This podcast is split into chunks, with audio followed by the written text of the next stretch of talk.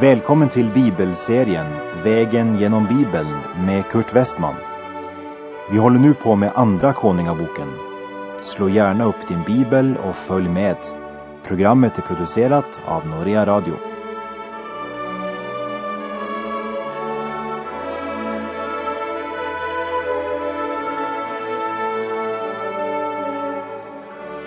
Ahabs och Isabels historia den är allt annat än vacker. Och kanske du tänkte i slutet av förra programmet att nu är vi äntligen färdiga med dem. Men vi är inte det. Visserligen har Jehu utrotat alla av Ahabs släkt i Nordriket. Men ser du, en dotter till Ahab och Isabel har gifts bort till riket i syd, Judarike. Hon var hustru till Juda kung Joram och hon var mor till Ahasja och är nu den gamla moderdrottningen. Och när vi nu kommer till Andra Kungabok kapitel 11 ska vi se vad som sker parallellt med händelserna i Israel som vi såg på i förra programmet. När Jehu hade regerat i Israel i sju av de 28 år han regerade, då blev Joas kung i Juda, bara sju år gammal. Och han hade då hållits gömd i sex år för Ahabs och Isabels dotter Atalja, som gick i sina onda föräldrars fotspår. Atalja är hebreiska och betyder den som Herren bedrövar eller den som bedrövar Herren. Atalja trotsar Gud och är likgiltig för andra människors nöd. Och det vi nu ska läsa om henne är så otroligt fruktansvärt. Andra Kungabok kapitel 11, vers 1. När Atalja, Ahasjas moder, fick veta att hennes son var död stod hon upp och förgjorde hela kungasläkten. Så länge Juda kung Ahasja levde var det tydligen hans mor Atalja som höll i trådarna och hade makten och kontrollen. Hon är otroligt lik sin mor Isabel. Nu när hon får höra att hennes son Ahasja är död så var det naturligt att ett barnbarn till henne hamnade på Israels tron. Men det önskade inte Atalja. Hon fruktade för att hon inte kunde kontrollera honom på samma sätt och så mista makten. Så vad gör hon? Jo, hon mördar alla av Davids släkt som hon kan få tag i. Tala om blodbad. Hon försöker utrota hela Davids släktsgren. Och det var ytterligare ett av Satans försök att krossa den släktsgren som leder fram till Herren Jesus Kristus. Satan försökte utrota Davids ett så att frälsaren inte skulle kunna bli född. Och ner genom historien har Satan försökt eliminera judarna.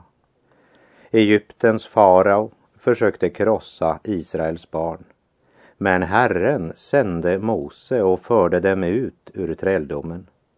Haman, som vi ska se närmare på när vi kommer till Esters bok, han försökte utrota judarna men avslöjades och blev själv upphängd på den påle på vilken han planlagt att hänga upp juden Mordekaj.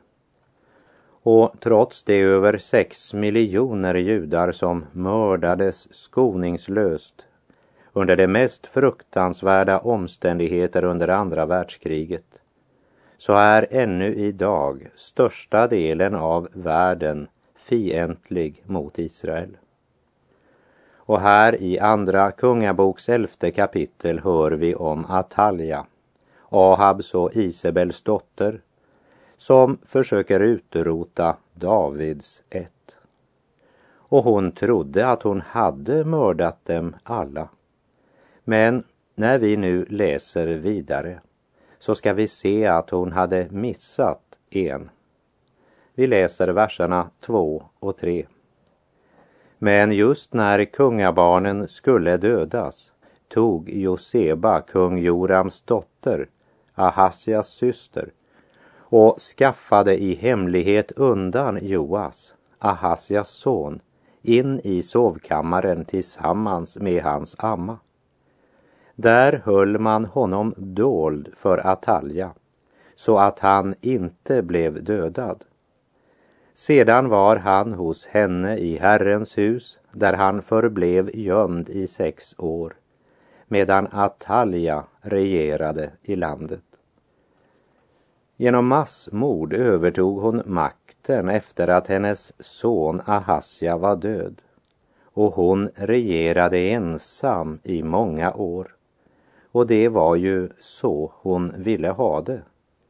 Under tiden växer den unge Joas, där han lever gömd i Herrens hus.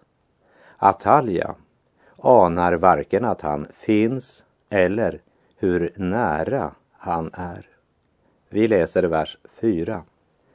Men i det sjunde året sände Jojada bort och lät hämta livvakten och drabanternas underhövitsmän och förde dem in till sig i Herrens hus. Och sedan han hade gjort en överenskommelse med dem och tagit en ed av dem i Herrens hus visade han dem kungens son. När Joas var sju år lät Jojada hämta dessa hövitsmän i Israel och låter dem veta att en av Ahasias söner ännu var i livet. Det vill säga att det ännu fanns en av Davids släkt. Vers 5 till 7. Därefter befallde han dem och sade Detta är vad ni ska göra. En tredjedel av er, ni som har att tillträda vakthållningen på sabbaten, skall hålla vakt i kungshuset och en tredjedel vid surporten och en tredjedel vid porten bakom drabanterna. Så ska ni hålla vakt vid huset